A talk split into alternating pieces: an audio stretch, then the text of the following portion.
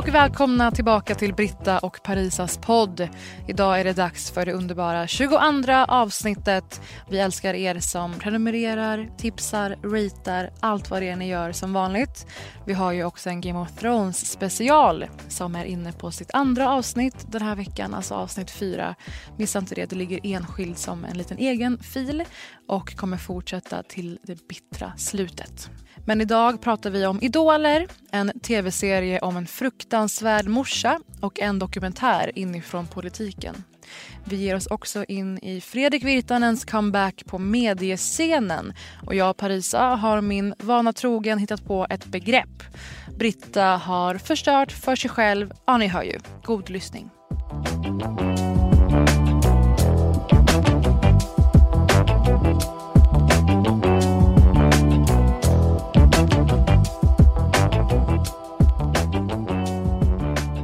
Känner du att vi befinner oss i samma stad som RBG? Gör vi det just nu? Ruth Bader Ginsburg. Oh my god! Som vi talat om tidigare, alltså eh, domare i eh, högsta domstolen i USA som har förärats med en filmatisering av sitt liv. Mm. Från att vara en av de första kvinnorna som pluggar Harvards eh, juridiklinje som då var väldigt kontroversiellt. Filmatiseringen heter On the basis of sex och är en så här vaselinlinssmetad, ganska jobbig version. Mm. Speciellt när man har sett den här dokumentären, Oscarsnominerade RBG, som är ett jävla mästerverk. Det är där man får eh, prata med, eller prata med, höra från RBG själv om hennes liv och upplevelser. Hur det var att gå på Harvard och få frågan av sin professor. Hur känner du för att du tar upp en plats som en man borde ha fått? Mm. Hon var sex kvinnor av jag tror 350 juridikstudenter som mm. var män. Mm. Och hon är i Stockholm just nu. Vad är det hon gör i Stockholm? Hon är inte med oss. Det tycker jag är ett underbetyg. Nej men jag, eh, fan, alltså så mycket som jag har tjatat om den här personen som då fick mig att plugga juridik för 11 år sedan. Ja det är så. Um, det, alltså jag känner stark separationsångest fast jag inte har träffat henne. Att jag inte är med henne nu. Ja. Men hon är här för att ta emot ett pris och hon är här eh, med, med det judiska rådet tror jag att det heter har bjudit in henne. Mm. Hon ska också bli, eh, hon var ju hedersdoktor i Lund sedan ett tag tillbaka. Nu ska hon bli någon slags ännu högre nivå av hedersdoktor i Lund. Och jag läste i DN i helgen, Björn af Kleen skrev om att hon eh, eh, träffade två svenskor, bland annat Karina Bergfeldt, SVTs, SVTs korrespondent i Washington eh, och berättade att hon bär en enda ring. Av alla ämbeten hon har fått så är det bara den från Lund som hon bär varje dag på sin hand. För det kan man få alltså, en ring mm. Alltså nu gissar mitt huvud lite. Mm. Men att, för det är sådana där saker när man får sådana där äh, utmärkelser eller vad man ska säga, att man får någon särskild position, att det kommer med olika accessoarer. Ja, tunga, tunga ja. stenar ska bäras. Ja. Men så hon är här och jag tycker att det är jättekul Men så hon det... varför hon bär den från Lund? Men hon, Tycker hon att det är extra fint? Ja, hon menar på att det, det studiebesöket var det som födde hela, hennes feministiska engagemang. Jaha. Eh, hon har ju, wow. som vi har nämnt någon gång, varit den största, viktigaste personen för jämställdhet i USA. Eh, ja. Vad gäller abortfrågan, arbetsmarknadsrätt, hur mycket som helst. Får jag tipsa om, om man vill ha en crash course i mm. RBG, Ruth Bader Ginsburg. Eh, då, kan, då kan ni googla RBG merch så kan ni få se olika muggar med citat. Alltså så här, jo, men det är som en grej, för det har blivit en grej. Ja. Och om man inte så man bara, jag orkar inte läsa typ hela så alla wiki-artiklar, mm. fan vet jag. Det kanske inte står så mycket apropå att kvinnor inte är så Nej, representerade på Wikipedia. Antingen men... merch eller så ser ni den här dokumentären då, RBG, mm. som fyller en med Nej, alltså, hur storslagen den här personen är. Alltså, alltså mäkt och underbarskänslor. Och den är så jävla snygg och fin, den dokumentären. Eh, hitta den på iTunes eller liknande. Men det är kul att hon är här. Alltså, det är på något sätt så att hon representerar eh, då Sveriges liksom, tro att vi är det mest jämställda landet i världen. Mm. Samma helg som det, så det kolliderar någonstans med svensk, Sveriges bild av att vi är ett popunder. I och med att Swedish House Mafia mm. fyllde Friends, eller Tele2 Arena tre nätter i rad. Jävlar. Får jag bara säga snabbt om RBG först innan vi lämnar det. Mm jag blir ändå besviken på att du inte gillar den där filmatiseringen av henne. För att jag läste en så himla bra intervju med Felicity Jones om hur hon närmade sig karaktären. Hon tittade mm. liksom på otroligt mycket arkivmaterial, alltså till och med hur hon gick. Språk. Hon liksom imiterade hennes gångstil och sätt att prata och så vidare. Jag tycker att den biten av skådespeleri är en sån där som fascinerar mig något otroligt. Att bara så försöka bara plugga in en person och sen utagera det med din kropp. Alltså typ som att lära sig ett annat språk fast man lär sig det med mimik och sånt där. Jätteimponerande. Det var ju tråkigt Alltså, att filmen sög. Jättekul att Felicity ansträngde Kör. sig i researchen. Att hon det blir, kör. hon tog nog inte Nej, hon till fick sig inte, någonting. Nej, hon fick inte jättebra användning för Eh, hon fick inte jättebra recensioner för det. Det var inte en bra film. Hör vad jag säger. Utan se Mm. RBG-dokumentären. Parisa, Ja. jag fattar inte Mm. SHM. SHM är alltså Swedish House Mafia. Ja, alltså så pass fattar jag. jag är Mm. inte, i, jag bor ej under en sten. Även om, men nej, jag alltså, att du delvis jag, delvis Men bor jag ju under vi en måste, sten. Det är ju för lyssnarnas skull. Ja, jag fattar. Men alltså, när det är så, det är som masspsykos. Mm. Swedish House Mafia ska ha konsert i vadå, dagarna tre, Mm. fyra, Fyller, som sagt. Globen. Alltså, nej, Friends Arena. Tele2, Friends Arena. Tele2 är det som Tele2. ligger där. Mm. Masspsykos, ja. Hade du några frågor på det? Nej, men jag, vad är grejen? Kan du bara berätta? Nej, men så kan jag också känna, vad är grejen? Ja. De, de stod själva, mot slutet hade de någon slags anförande som var ackompanjerat med olika så här hårda beats. Någon sa något så här jättekort och eh, betydelselöst, substanslöst. We are back! Du, du, du. Eh, this is our comeback. De bara, fast det betyder samma sak. Ja, Och sen exakt. så fortsatte... We have returned. Ja. Du, du, du. Det fortsatte We med att en went, person... now we back. En person eh, sa, det gick inte att urskilja, det var tre små små gubbar på en plattform långt, långt bort. Ja, det var liksom ingen Beyoncé-konsert här. nej, nej. Jag skojade om att alltså, den kalori, kalorimängd hon gör av med på scen under ett framträdande, alltså, som skulle motivera tre nätter i rad på Tele2, Mm. de står ju där uppe och har play-knappen Mm. rätt under fingret. Liksom. Mm. Veva med arm kanske på sin Jag måste säga nu när vi pratar om det på riktigt. Det var jättemycket pyro, lasershow, stor jävla skärm. Jag var chockad över bristen på ambition. Det var som en enda money grab. Ja.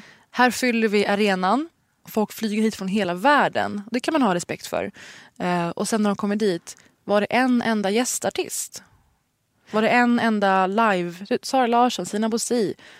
Nej, ingen. Ingen ambition överhuvudtaget. Men gud. Var det ett enda specialnummer som kördes live? För det tänkte du ändå när du gick dit, alltså att man hade förväntningar på det. Jag gick ju på lördagen den sista av de tre dagarna. Ja. Då stod det ju klart att de Ja, körde då hade man lärt sig. sitt lilla register av låtar som de har gjort genom åren. Ja. Ehm, det var som en enda stor meet and greet. Ja, men jag var chockad faktiskt. När man bjuder in så mycket folk och inte gör någonting nytt eller någonting som håller den stilmässiga nivå som vi förväntar oss idag. När vi går på liveupplevelser idag. Alltså, the tables have turned. Men vad menar du bjuder in folk? Du menar väl sälja biljetter också? Ja, men när man Ja. öppnar, öppnar upp för ett evenemang Som är så pass stort. Men en av dem sa så här, alltså vi har varit borta i sex år och att när vi kommer tillbaka och lyckas göra tre nätter i rad, det är fantastiskt. Och du, det tycker jag med. Fantastiskt och ganska otroligt och omotiverat. Mm. Och oförtjänt.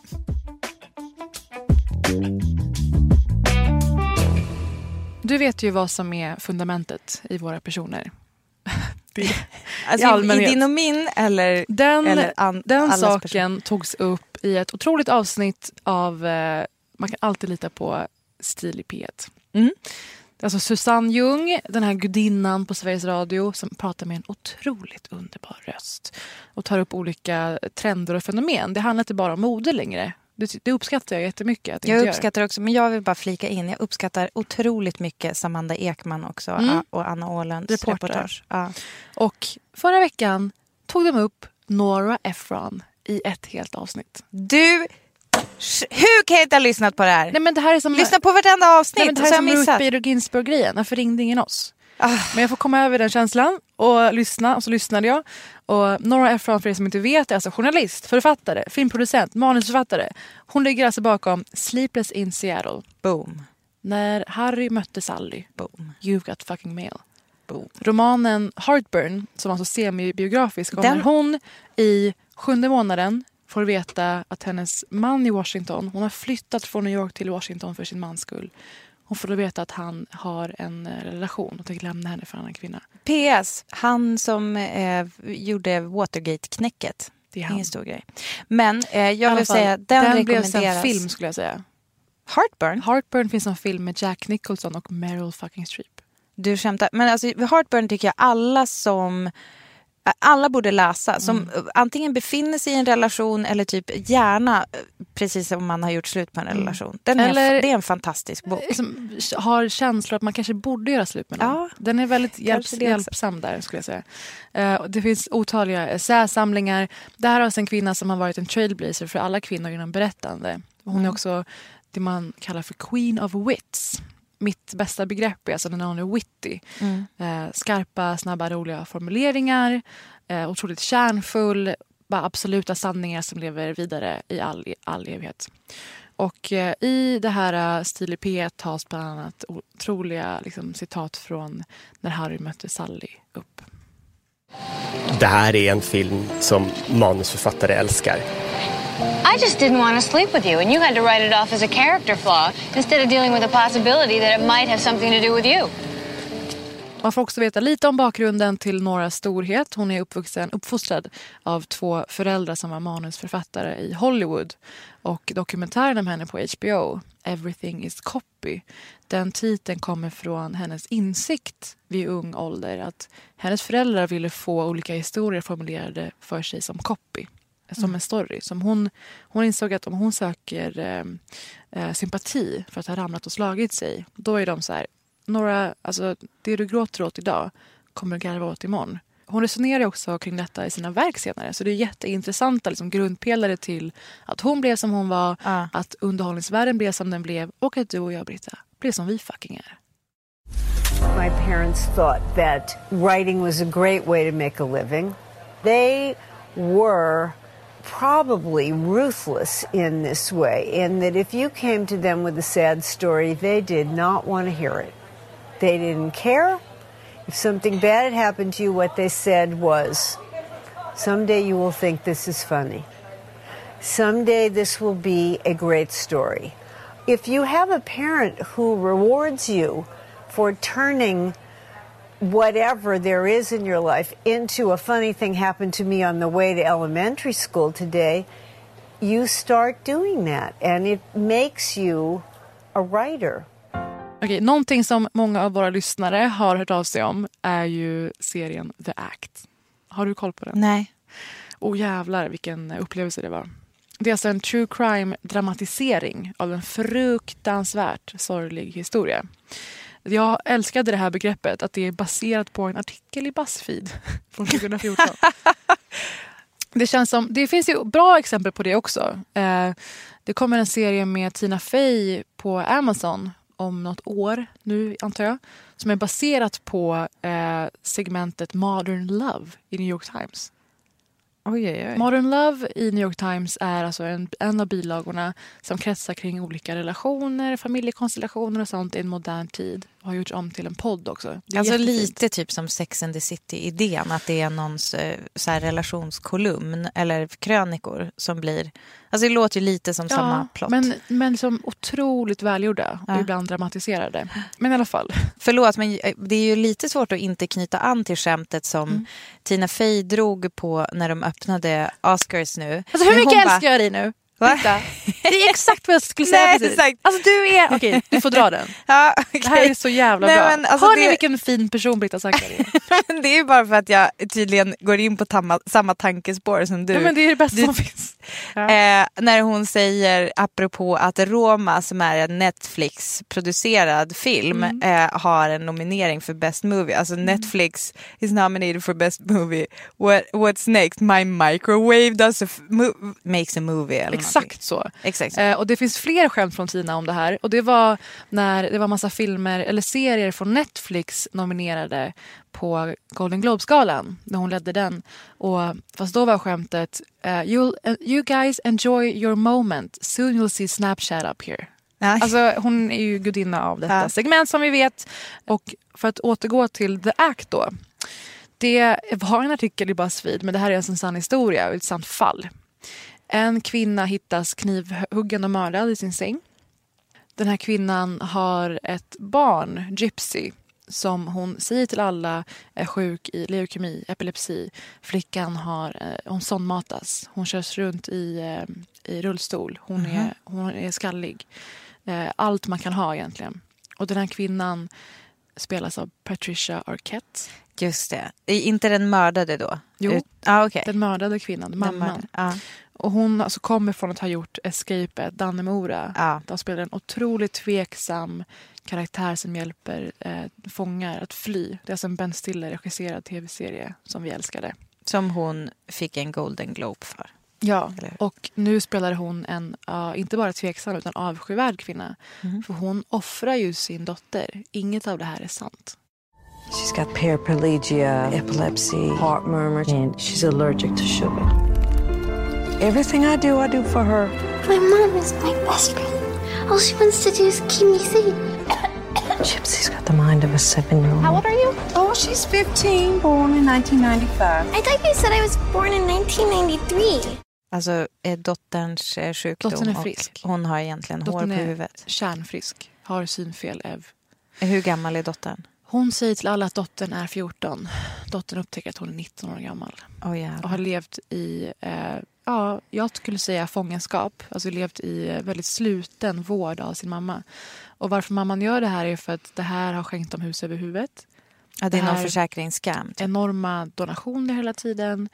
Eh, det är priser och utmärkelser. Eh, den här flickan rullas runt mellan olika konvent och sånt och visas upp. Och får spela med, pratar med en väldigt ljus liten bebisröst. Eh, att se den här, det finns genom sen nu att visa upp tve, tveksamma kvinnor. Man kallar det som hon mamman är sig skyldig till för Münchhauser by proxy. Mm. Som är så en sjukdom, mentalsjukdom där man eh, liksom tillskriver någon att den är sjuk för att få ta hand om den och för att själv få uppmärksamhet och olika fördelar av att vara vårdnadsgivaren. För, för grundlig förklaring då. Mm. Münchhausens syndrom är eh, hypokondri typ. Alltså att man Ja. inbi, inbillat sjuk. Men alltså, så Münchhausen är- by proxy är då i Ja. närhet till någon som är Ja, sjuk. exakt. Tror man själv. Bra, snyggt. Men jag tycker att de visar bra i den här serien är hennes bakgrund, den här mamman. Att hon alltid varit en hustler. Det har varit liksom ett check eh, bedrägeri, hon har snott pengar av sina föräldrar. Hon förgiftade sin styvmamma tror man. Man tror att hon lät sin mamma eh, dö i säng, svälta ihjäl. Eh, och eh, det, det är ju Patricia Arquettes absoluta ace. Alltså det här är vad hon kan och gör. De här tveksamma, märkliga kvinnorna. Man slängs mellan att förstå henne och att avsky henne något fruktansvärt. Och Gypsys liv då, det är så sorgligt. Hon har aldrig fått leka med andra barn, hon har aldrig fått gå i skolan. Och mamman har ju fått henne att tro att du är in on det här, den här scammen. Om du säger till någon, då hamnar du också i fängelse. Just det. Inte sant för fem öre. Så se den här, man är så fruktansvärt frustrerad. Ja. Men det är så bra spelat. Och deras mom next door spelas av Chloe Sevigny. Åh gud vad mysigt. Man vill ju se henne i allt. Ja. Men nu har ju även Sev. hon tagit steget till att spela folks mammor. Eh, Hon har ju hållit sig borta från det. Men jag tycker, vet du, jag tycker inte riktigt att det funkar. Hon är liksom lite för cool. Det är det jag menar. Hon är bara nått den åldern när hon förväntas göra det. Jag vet. Jag såg att Charlize Theron gick ut med att hon vägrade spela Gal Gadot, eh, hennes mamma, alltså Wonder Womans mamma. Men Gal Gadot är alltså eh, sju år yngre än Men gud vad sjukt. Men se den här oavsett, för den är faktiskt fantastiskt välgjord. Och sen finns en dokumentär också uppe på HBO som är ännu mer fruktansvärd. För då är det faktiskt, man får höra utsagorna från mamman själv. Alltså en dokumentär i, sa- om exakt samma fall. ja. Eh, och eh, även Gypsy då. Som eh, ja, man bara kan ana sig, ana sig till lever och hade någonting att göra med att mamman eh, mördades. Ja.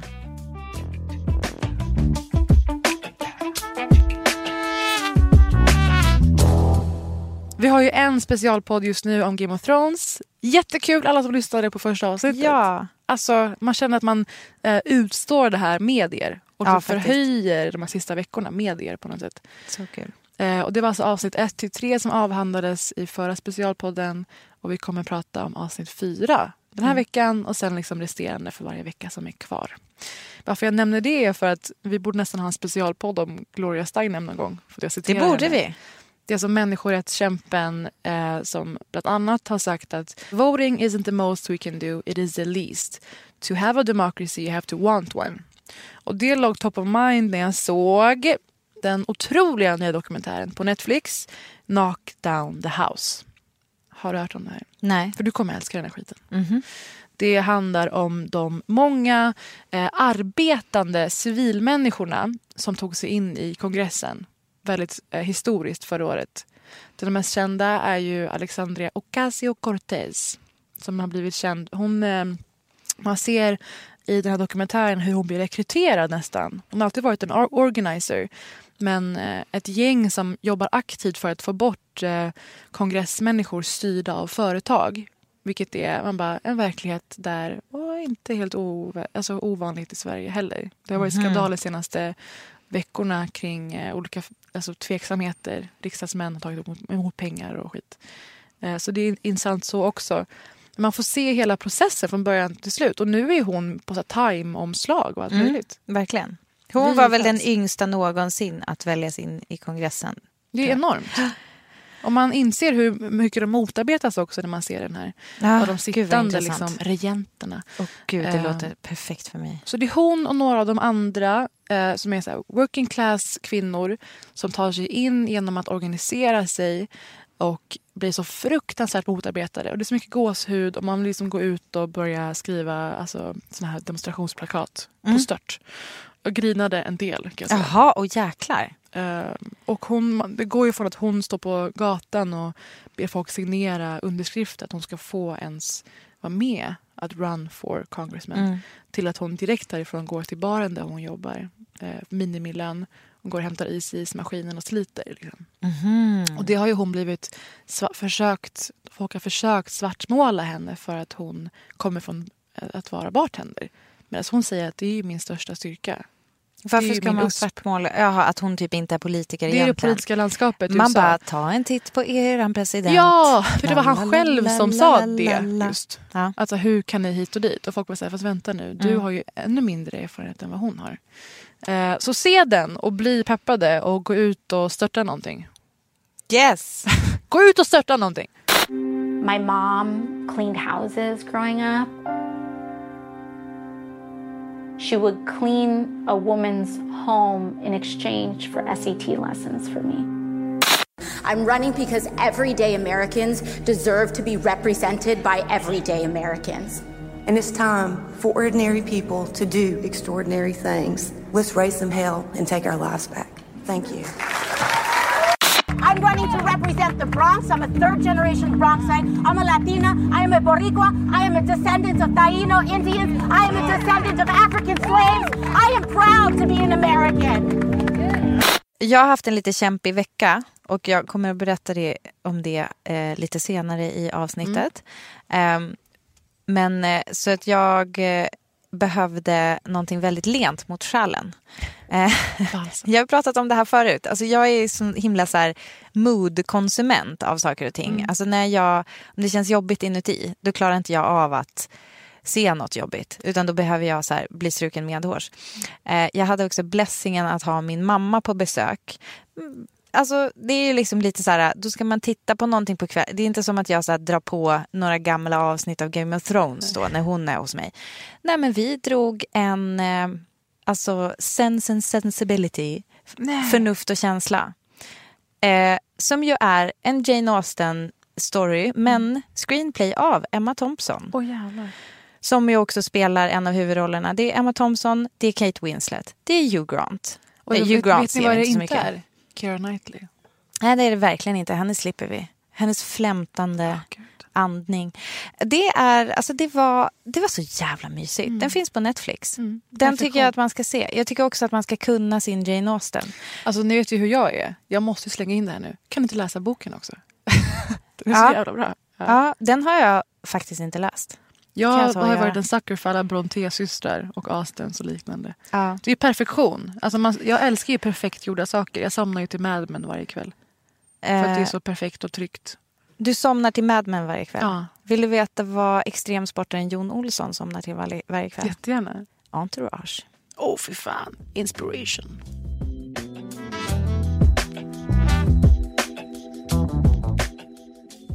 Och sen så skulle jag faktiskt vilja tipsa om i, som vanligt, min eh, favoritpodd, Dax Shepherds Armchair Expert. Yes! Nej men han träffar ju Esther Perel.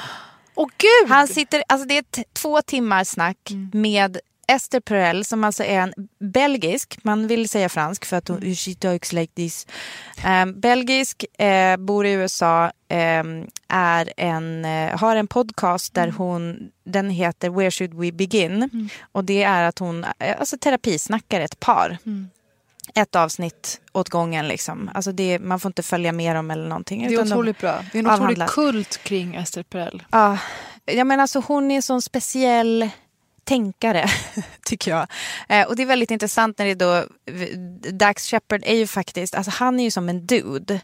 Eh, men på grund av att han eh, har varit nykter i flera år så har han tänkt ganska mycket på psyket och så vidare. Och de har ett jätteintressant samtal om relationer och hur vi förhåller oss till monogami, otrohet. Det finns så jäkla många guldklimpar där som jag bara vill lyfta ut och eh, dela med mig av. Men vi kan väl lyssna bara på ett av mina favoritklipp.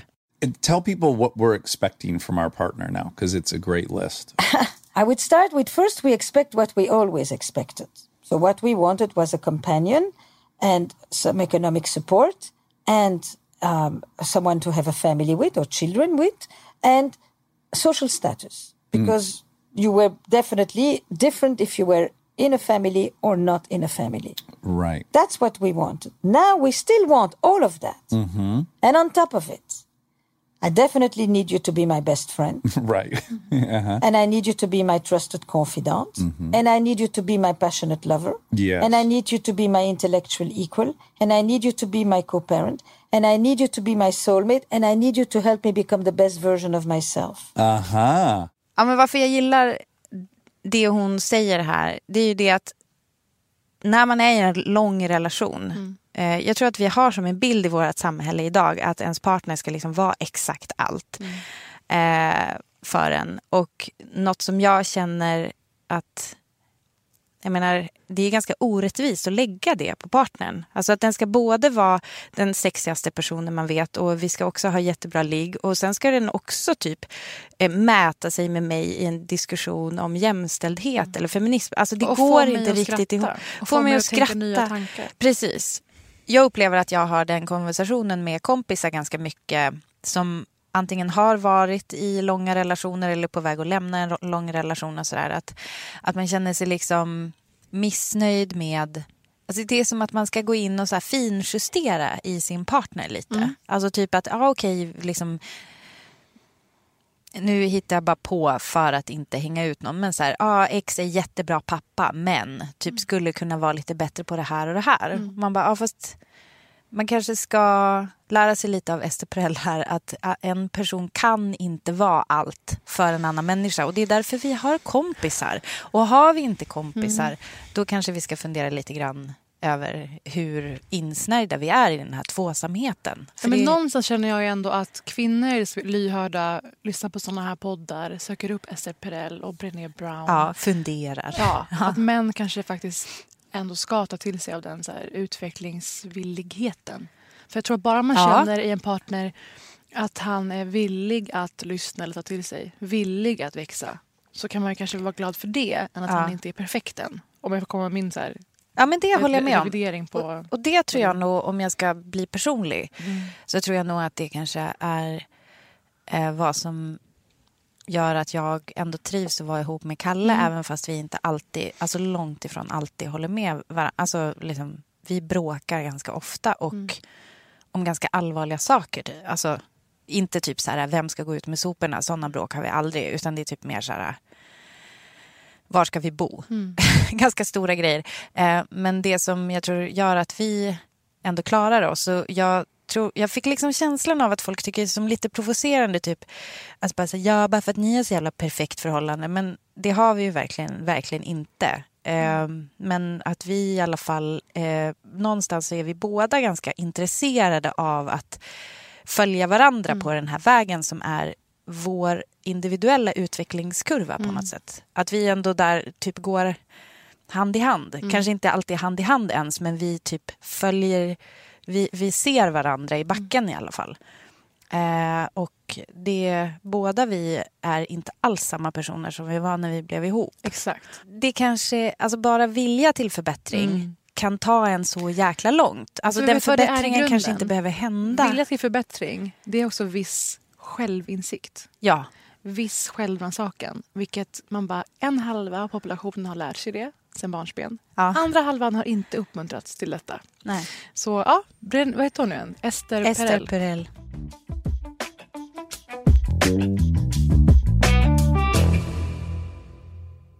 Har du hört talas om eh, begreppet pinkwashing? Nej. Greenwashing? Absolut. Det har du hört? Ja. Och whitewashing? Whitewashing, Whi- absolut. Whitewashing men- är det mest kända. Det är alltså, whitewashing säger man till exempel om eh, filmindustrin där kanske en, eh, en vit skådis ska spela en asiat. Säger vi. Scarlett Johansson ska spela en asiat i den här filmen Ghost in the Shell. Och det de gör då är att de vittvättar den historien och tar bort alla kulturella rötter och alla associationer som har med grundhistorien att göra. Pinkwashing är när företag försöker framstå som gay-friendly and progressive. Alltså att appellera till LGBTQI-rörelsen utan att faktiskt göra några ordentliga förändringar. Och att man gör detta för att liksom täcka för de sakerna som man har gjort tidigare eller gör som är direkt liksom, eh, anti-gay. Mm. Och greenwashing då samma fast inom miljörörelsen. Jag eh, känner att efter veck- senaste veckorna, ett par veckor i alla fall, har jag behövt ett begrepp för eh, det noga liksom, utmejslade, PR-strategivässade eh, som är eh, Fredrik Virtanens bana tillbaka till offentlighetens mitt. Och eh, jag har tänkt på olika begrepp. Virtanen, washing. Det är svårt att gå från V till W ändå. Så jag kom fram till att det absolut bästa måste vara tölpwashing. Jag älskar Va- när du my- myntar uttryck. Ja, men vi har ju något mynt av uttryck Tourettes i Ja. den här podden. Tölpwashing tänker ni. Varför då? Jag tror att de flesta av er vet varför. Begreppet tölp har ju blivit centralt i metoo-frågan de senaste månaderna i alla fall. Har du sett det här? Nej, inte just alltså, inte ordagrant just ordet Nej. tölp. Det är så att eh, Fredrik Virtanen fick ju eh, lämna sin position som ledarskribent på Sveriges största tidning, Aftonbladet, med ett häftigt avgångsvederlag efter att han blivit anklagad av 12 unrelated kvinnor för sexuella traka- trakasserier och så Mm. vidare. Och det här är ju väldigt brett omskrivet och omtalat. Vi är inte först med att säga det här. Det Nej, men jag kan, heller- säga att, Ja. eller jag kan säga att jag eh, känner folk som har berättat grejer om Mm. honom. Det känner jag att jag också kan säga. Mm. Eh, och eh, nu då är det så att eh, han för några månader sedan uttalade sig i en artikel och var villig att sträcka sig till beskrivningen av sitt tidigare missbrukande kvinnoförlandering self som en tölp. Jag har varit en tölp. Så anklagelser om eh, trakasserier och övergrepp eh, lyckades han liksom, ändra narrativet till genom att kalla sig själv för tölp. Det finns ju någon slags mer Emil i Lönneberga-anslag i det Oh, än, ja. än Harvey Weinstein. Otroligt harmlöst, alltså ändå. Det, det, är, alltså, det är väldigt, väldigt intressant för att det är på något sätt eh, det vi pratade om alldeles innan eh, så tänkte jag säga ett, alltså det här med vilja till självrannsakan Mm. och sånt där. Det finns ju en bit i det som är väldigt viktig som jag tycker heter ansvar. Mm. Alltså att man tar ansvar för vilken person man är och så vidare. Så här, tölp känner jag inte så mycket ansvar. Förstår du hur jag menar? Det är någonting med så här, ja, det, är- det är liksom lite urskuldande på något sätt. Det är lite... Oj, vad tokigt det blev. Mm. Typ så. Det är så här, oj vad tokigt det blev. Mm. Istället för, fan vad jag betett mig vidrigt. Det är harmlöst och nästan bedårande. Ja, det är lite gulligt. Emil i Lönneberga som sagt. Så medievärldens Emil i Lönneberga kom han ut som i den intervjun. Det rymmer så mycket ja, att man anklagas för det ena och det andra. Ehm, och sätt, sättet som man tar emot anklagelsen. I det sättet så bestämmer, är man också med och bestämmer vilken tyngd man ger anklagelsen. Martin Timell reagerade ju väldigt kraftigt och gick ut och sa det ena och det andra. Verkade väldigt upprörd i intervjuer. Eh, ska stämma kanalen. Eh, reagerar så väldigt kraftigt på ett sätt. Och är då liksom med och upprätthåller egentligen mediestormen då kan man Mm. säga. Det känns som att eh, Virtanen i kanske allians med alla sina otroligt liksom, eh, mäktiga, smarta vänner inom kommunikation och media och reklam har eh, kommit fram till att det här är the way to go. För det har hänt ett antal saker de, de senaste veckorna. Eh, mest centralt då att han har släppt eh, en bok. Boken heter alltså Utan nåd, en ransakning. Um, och det är svartvit fotografi där han tittar bort ur bild. Och det här var ju eh, apropå eh, bråk mellan Sigge Eklund och Cissi Wallin på Instagram. Så nämnde vi lite den här för var en eller två veckor sedan. Två Ja, veckor sedan. två veckor. Så den har släppts och med den så släpps det också löst hur medier ska hantera det här. Och det är så mycket som kommer fram i hanterandet av det här. Så jag har gjort någon slags fyra punktslista. För det är, det är så många olika drag i det här. Mm. Så jag har försökt att konkretisera och bygga olika spår i det här. De fyra olika sätten som Fredrik Virtanen tölpwashar historien om vad som har hänt. Perfekt. Perfekt. Nummer ett då på den här listan över tölpwashing.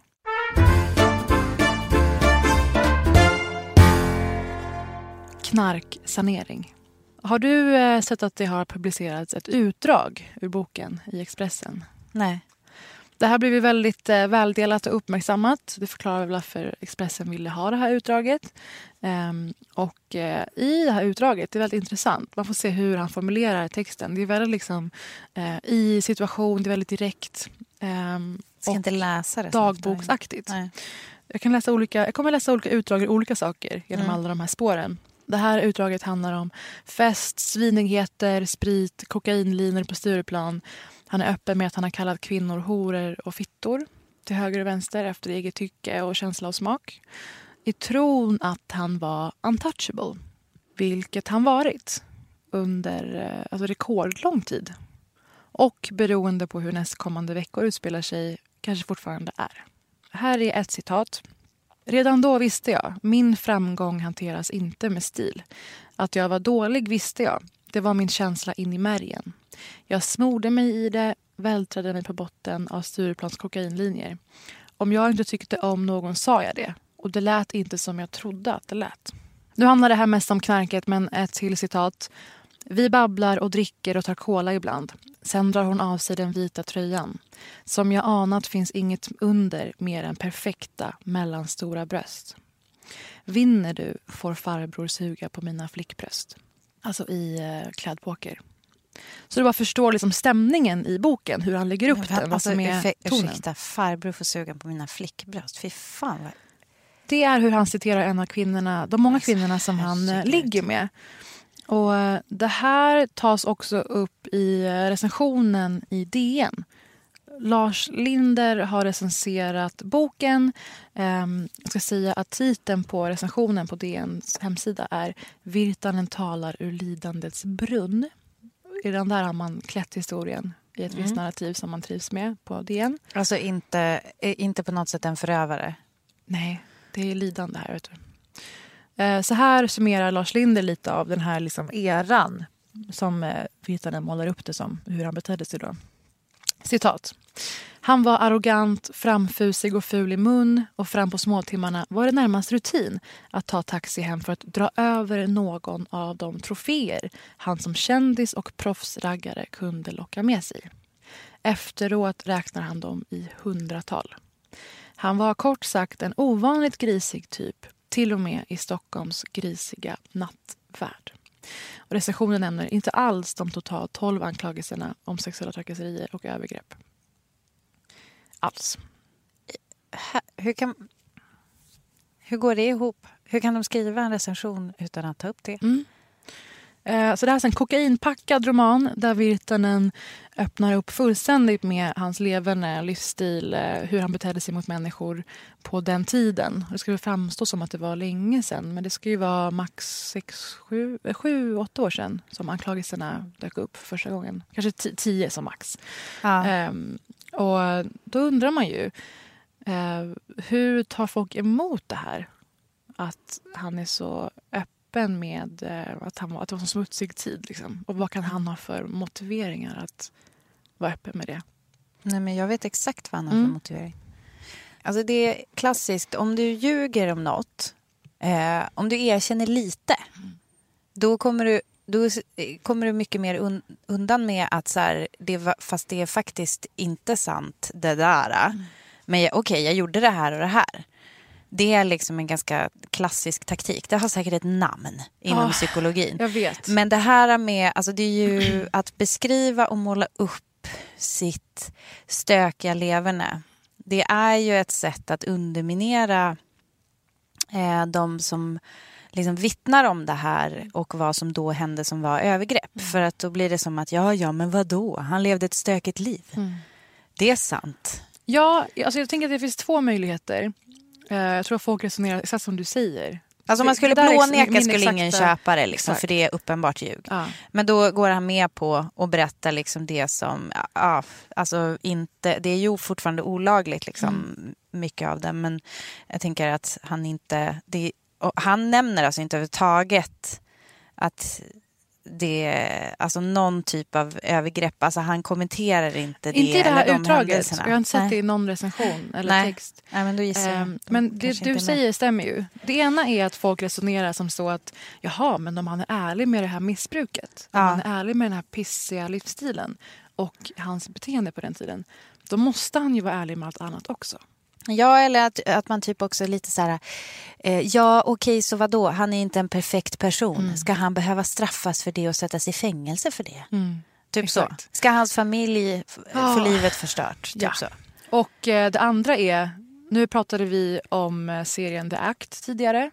En kvinna som utsätter sin familj och sin dotter för fruktansvärda saker. Hon eh, scammar hela världen. Vi har sett filmen eh, Queen of Hearts. Jag och Britta var och såg på en filmvisning av Bahar Pars där vi såg filmen Hjärtedam. En dansk film, passande nog. Där de i nuvarande metoo-stämningar eh, gör en fantastisk film, ska sägas. Men en film som handlar om att en kvinna utsätter och utnyttjar sin unga eh, minderåriga styvson för att inleda en så kallad relation med honom. Det är ju Ja. inte en relation på lika villkor. Nej. Nej. Och så i det här då, jag vill visa på att kvinnor är också dåliga, titta vad de gör. Ehm, då blir det här så fruktansvärt genomskinligt. Var att alla recensioner, alla texter tar det här missbruket, tar det här narrativet som är så noga utmejslat och byggt och menar på att, ja men vänta nu, om han har varit inom det här och det här, varför skulle han då ljuga om att ha begått övergrepp? Att vi så gärna och så, så lätt kan göra ursäkter för mäns eh, felaktigheter och brister och eh, vilka som kan ha drabbats av dem längs vägen. Det hade ju aldrig hänt. Aldrig någonsin hänt om Åsa Linderborg, kulturchef på Aftonbladet, gick ut med det här och hade så mycket anklagelser mot sig. Då skulle det sänka hennes trovärdighet rätt ner i havsbotten. Men, men jag I. Virtanens fall, att gå ut med eh, missbruk, tölpaktigheter, stärka hans trovärdighet. Förstår du att det är var vi befinner oss just nu? Han är mer trovärdig än någonsin på grund av de här berättelserna. Ja. Finns det fler recensioner som inte tar upp övergreppen? Har du, Jag har du inte läst överblick? någon som Nej. eh, benämner det 12. Nej. Men för att jag tycker jag, jag har så himla svårt att se också om, äh, om det var en eh, om det var typ, eh, inte vet jag, Whitney Houston som hade skrivit en bok och att man inte, och hon då inte nämner typ sina, sitt kokainmissbruk. Mm. Att, man, att recensenten inte skulle ta upp det. Alltså du förstår, det är en sån, det är en sån central pusselbit. Mm. Eh, som är, alltså jag tycker det låter jättemärkligt. Det fortsätter. Virtanen har ju här och där sagt saker som så här, hur länge ska jag straffas? Och beklagat sig över att inga svenska förlag ville publicera boken. Det här är ett norskt förlag, eh, Gloria. Det Aha. är ingen mänsklig rättighet att få sin bok publicerad i Nej, dagens och- samhälle än så länge. Ja. Och hur länge man ska straffas? Ja, ehm, så här känner jag.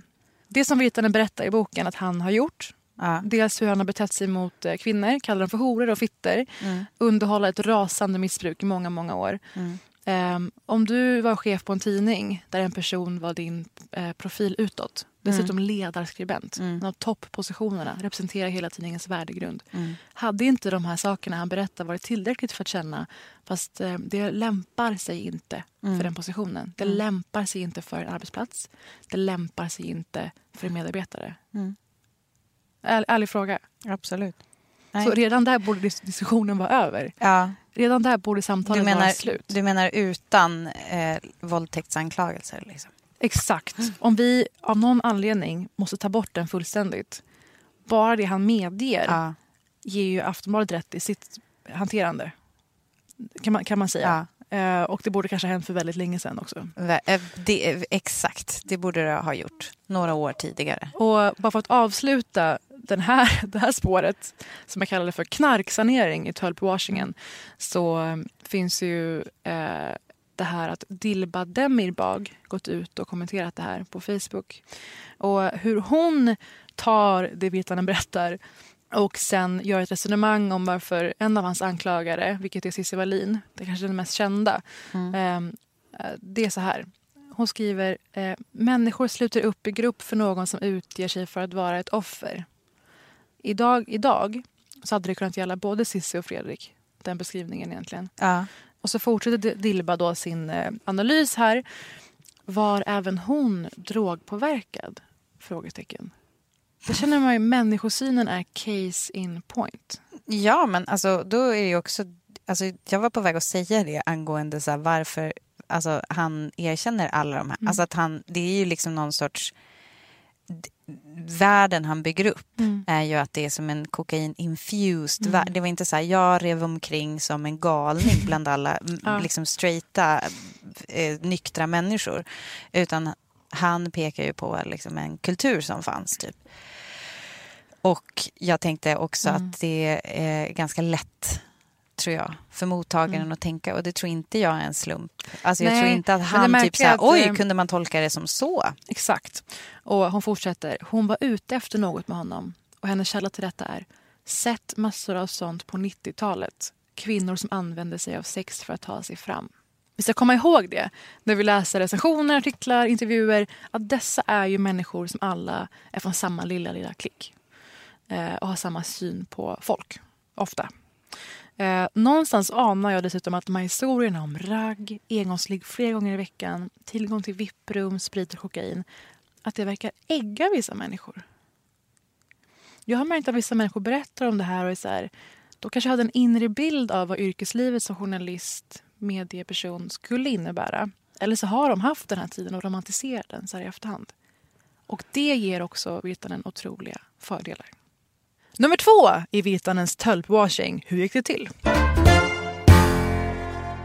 Den är Kymanskurningen. Det är på tema tvätt allting. Om du Mhm. har märkt det så här. Mm, mm, mm. Virtanen känner, kallar sig själv väldigt eh, känt och ökänt för feminist. Mm. Och menar på att han är en eh, renlärd feminist jämfört med alla andra. Det finns ju en väldig trend nu att eh, förminska kvinnor som agerar i sociala medier. Att kalla dem för Instagram-feminister. Det här är väl rätt upp i den gränden. DNs recension, Lars Linder, citer- citerar honom. Han skriver så här. Nej, jag känner själv ingen större sympati för en man som i vuxen ålder levt rövare med kvinnor, kallat dem horor och fitter, men sig själv för feminist. Han har bättrat sig, påstår han, men anger egentligen inga djupare skäl till omvändelsen än att hans nya liv som gift man och ledarskribent krävt det. Så det var liksom, liksom ett, ett nyktert ögonblick i texten, idén. Feministspåret här hänger ihop väldigt väl med alla PR-strategier. Eh, Att alliera sig med någon och hoppas att liksom den persons position gnuggar av sig på dig lite grann. Ja. Jämfört med när Hillary Clinton ville bli president i USA och drog med sig Beyoncé och Jay-Z Mm. eh, på scen för att försöka locka till sig den the young black vote. Ebba Busch Thor och Margot. Ah, alltså Britta, vi great minds. Exakt, kopplingen till Ebba Busch Thor och Margot Dietz har jag också med här. Att Ebba Busch Thor liksom utnyttjar plattformen och relevansen som Margot Dietz sitter på just nu. Och varför jag tar upp detta är för att eh, Virtanen spelade in en podcast tillsammans med ingen mindre än feministikonen Gudrun Schyman i veckan. Och hans vilja och agenda med det här är väldigt tydlig. Eller? Absolut. Vad tänker du? Vad, är det han vill ha ut av det? Nej, men, alltså, jag vet inte, behöver jag säga mer än du redan har sagt? Uh, Gudrun Schyman eh, har ett, ett renommé som Mm. han gärna vill rida på. Mm. Speciellt nu när han gärna vill skruva om det till att han visst är feminist och eh, stöttar kvinnors rättigheter Ja. och liknande. Ingen rättighet att inte kallas för hora och fitta dock. Eh, det här påminner mig, på tal om Hillary och Beyoncé, om, att, om när Trump och Kanye väldigt famöst träffades där utanför guldhissarna i Trump Tower i New York. Och Kanye eh, liksom pledged allegiance i princip till Trump i hans röda magga-keps. Eh, det var ju väldigt kul för Trump, det hela. Virtanen har tydligen den här podcasten med Roland Poirier Martinsson.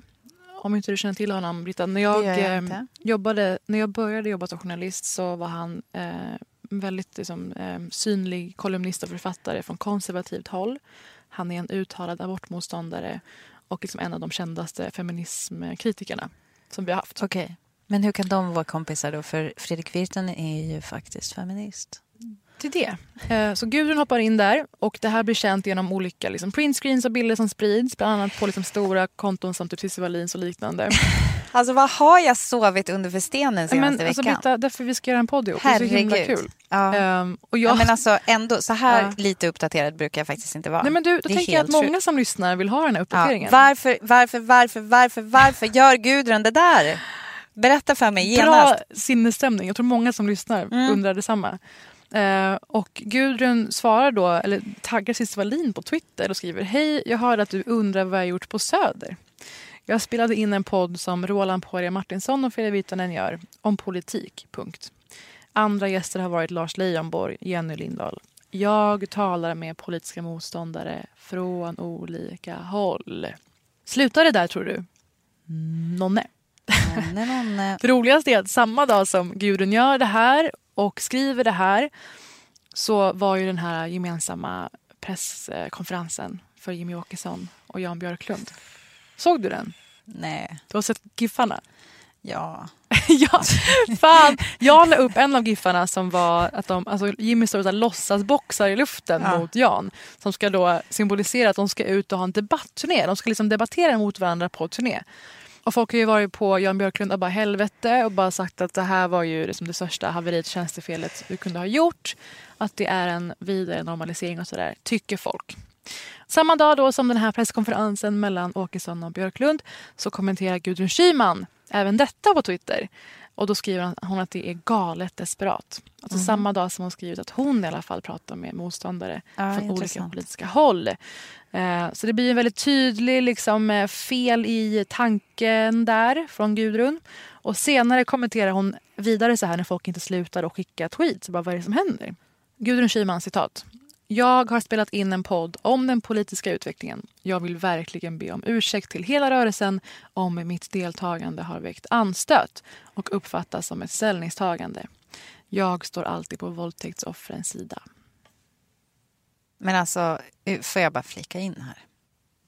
Det var ju inte som att hon fick veta när hon gick ut ur studion vad Fredrik Virtanen har blivit anklagad för. Jag, jag känner att jag behöver en längre förklaring, Gudrun. Jag tror att det kommer klarna med nästa spår. Det som är tydligt här är att eh, Virtanen är den, som, är den som drar stor fördel av att förknippas med Gudrun när han nu försöker revampa sig som feminist. Och eh, liksom med Margot Ditz, där var ju folk väldigt öppna för att ge henne det jag kallade för the benefit of the doubt. Mm. Att så här, hon kanske inte vet vad EBT står för, hon kanske inte är helt insatt och så vidare. Här, en toppolitiker, så kan vi inte riktigt ge henne samma... Nej. Jag tycker inte att Margot ska få det heller, men det är min åsikt. Ja. I Gudruns fall så är det bortom tvivel att hon vet vad det är Absolut. för spel hon deltar i. Ja. Och att hon antingen inte inser vad hon skänker bort eller inser det och tycker att det är rätt val att göra. Ja. Och det tredje steget i Fredrik Virtanens tölpwashing det är ingen mindre än offerputsningen. Eh, Virtanen redogör i, i sin bok då för att vänner slutar höra av sig, slutar hälsa på gatan, tar omvägar runt honom och så vidare. Vidare så pekar han på vad det här betydde för de högerextrema. Innan det här hände så var ju Virtanen väldigt tydligt vänster. Dessutom ledarskribent på Aftonbladet som är en väldigt alltså, historiskt liksom, vänstermakthavare. Har också hängt ut eh, högerextrema ganska mycket. Oh ja. Oh ja. Så han var ju liksom den, eh, det hotet för dem kan man säga. Så det var ju julafton när det här kom ut. För vi vet ju alla att högerextrema och folk som ligger nära där till de bryr sig ju om kvinnor så fruktansvärt mycket. Alltså kvinnors rättigheter, det, de vaknar på morgonen och bara vad ska vi göra idag för kvinnors rättigheter? Ja. Och de bryr sig extra mycket om kvinnors rättigheter när det är någon som är från vänsterhållet som har gjort någonting fel. Ja. Då vaknar de till och bara helvete. Eller om de misstänker att förövarna är från ett annat land än Sverige. Det är precis vad jag skulle säga. Särskilt om. Då är de pigga. Då är de väldigt pigga. Det där har jag haft en otroligt så här, hetsig diskussion. Kommer du ihåg det här äh, inte er kvinna, mm. eh, liksom, som vi höll på med Berätta. på Instagram. Var det ett par år sedan kanske? När det var just att högerextrema krafter liksom, i, med, under någon sorts feministflagg skulle då hindra... Alltså, det, var, det var som ett argument, typ. Jag tror det var hösten 2015 kanske. Det var så här, ja men det kommer ju in folk och våldtar våra kvinnor och Mm. bla bla bla. Och det hade ju varit något fall som uppmärksammades. Men grejen är ju, och det här har vi ju pratat tidigare om i podden, men jag missar aldrig en chans att påminna om det. Att de allra, allra, allra flesta våldtäkter och eh, överfall av kvinnor, eller liksom, eh, vad ska man säga, fall där kvinnor misshandlas och faktiskt också mördas, det sker i hemmet. Så Mm. den farligaste platsen för en kvinna att vistas är inte på centralen bland en massa ensamkommande flyktingkillegäng, eh, utan det är faktiskt i hemmet. Så det är det. Jag har gjort en eh, tv-serie om våldtäktskultur och metoo med massa män, däribland Kalle Wahlström, Zackari. Eh, och där vi liksom gick igenom det här systematiska sättet som man håller det här ifrån sig som man. Och det är väldigt skönt att tänka att så här, nej, men det är de här sjuka Det är överfallsvåldtäkterna, det är de här invandrarna som gör det här. Det är någon annan. Mm. Eh, och i den här frågan då, det var också en känd svensk komiker som var en väldigt stark motkraft till högerextrema krafter som försvann i metoo efter anklagelser. Han blev aldrig namngiven. Så det var liksom julafton i princip för högerextrema som i övrigt gärna vill förminska kvinnors handlingsutrymme och position i offentligheten. Men jag tänkte läsa upp ett till citat från eh, Virtanens bok apropå det här med fördelarna med att måla upp sig själv som offer. Citat. Nu när jag är uthängd i media som en kriminell och har lärt mig att kvinnor kan se sig som offer utan att jag begrep det. Min blick på dem och deras blick på mig skilde sig från vad vi såg hos oss själva. Då kände jag aldrig överläge. Jag tänkte inte på överläge. Jag såg kvinnor som starka och överlägsna och ouppnåeliga. De som bestämde över min bekräftelse. Och där knäpps ju offerkoftan. Kan Mm. man säga. Sista knappen. Mm. Jag tycker att det rimmar väldigt illa med om farbror kan suga på mina små flickbröst. I, i den, alltså genom att han skriver det, för det var ju då alltså ett citat, det är en ganska tydlig maktfördelning där i det språket. Liksom. Det, det är kanske min personliga åsikt. Det säger väldigt mycket om vem den personen kanske var och olika skillnader i makt och ålder och liknande. De Precis. emellan. Verkligen. Precis. Ja, men, och jag Ehm, menar om man, eh, nu vet ju inte jag hur det är skildrat. Det kanske står så här, åh vad sjuk det var. För jag var ju så liten i den här Mm. situationen och det var hon som hade makten. Jag, Ja. Det lät inte riktigt Nej, men så. han målade upp det som att hon är sexuellt drivande. Ja. Att han hakar på lite grann. Hon är väldigt liksom, utlevande och sådär. Ja. Men det här målar upp, bidrar till att måla upp en bild som jag tror många män som kanske, hur ska vi säga det här? Late eller never bloomers. Mm. Men som kommer över väldigt mycket makt och framgång. Det var ju snack om Aziz Ansari förut. Då jag var en av de som pratade om det. Att han man bara haft väldigt dålig tillgång till kvinnor i unga år. Och sen när han väl blev utsatt för, utsatt, när han blev exponerad för kvinnor som kanske uppskattade honom då för att han var charmig och smart och rolig. Hade liksom inte verktyg för att hantera detta. Nej. Som han själv målat upp det som efter anklagelserna. Ja. Louis CK, samma där. Det går ju att eh, spåra eh, i hans komik från gamla och nyare dagar. Och det skäms jag också över som feminist som har älskat honom i så många år. Att jag aldrig såg sambandet mellan som ett liksom, djupt eh, förakt mot kvinnor för att de kan välja att inte ligga med en. Ja. Eh, skämt om att så här, nej, men de vill bara ha såna här, såna här killar. Typiskt kvinnor att Ja. vara si och si och så. Liksom. Alltså, du menar att det nästan kan vara värre för sådana som inte är typiska pretty boys? Det att finns det, är, ju- det finns som en, en bitterhet. En, en latent. Mm. Det finns ju en tro att alltså, snygga killar behöver inte våldta någon. Och det Ja. har ju många kvinnor fått lida för att det har absolut. använts emot dem i rättegångar och sådär. Och sen finns det ju det här att men vadå, en framgångsrik, rik, känd person, vad skulle Mm. den behöva våldta någon? Mm. Men jag tror att en syn på kvinnor och eh, vad, vad män anser att kvinnor har för makt över deras sexualitet eller eh, nuvarande drift i alla fall. Att det spelar in i det här. Jag tycker det var intressant det citatet. Och en killkompis sa en grej om att ha läst det här som för mig sätter väldigt mycket fingret på vad jag liksom känner efter. Att jag känner Ja. att det är någonting. Han satt i, i helgen och åt lunch. Han sa att alltså, man läser det här och tänker att så här, vad fan, vem vet? Det där kanske hade kunnat vara jag. Ja. Och fortsatte, alltså vem vet om man hade ramlat över de förutsättningarna med liksom framgång och kändisskap plötsligt.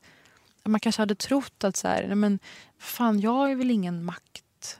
Alltså så här, jag har väl inget att tänka på i hur jag behandlar kvinnor eller eh, du vet. Nej. Ja. Och jag tror också att den tanken, om det uppstår hos min kompis som är en av de bästa människorna jag vet, Ja. uppstår antagligen hos olika kulturredaktörer. Lars Linder. Lars Linder Ja. och liknande. Att man cut him some slack. För man tänker så här, vad fan, vem vet? Det kanske Ja. dyker upp någon som jag var...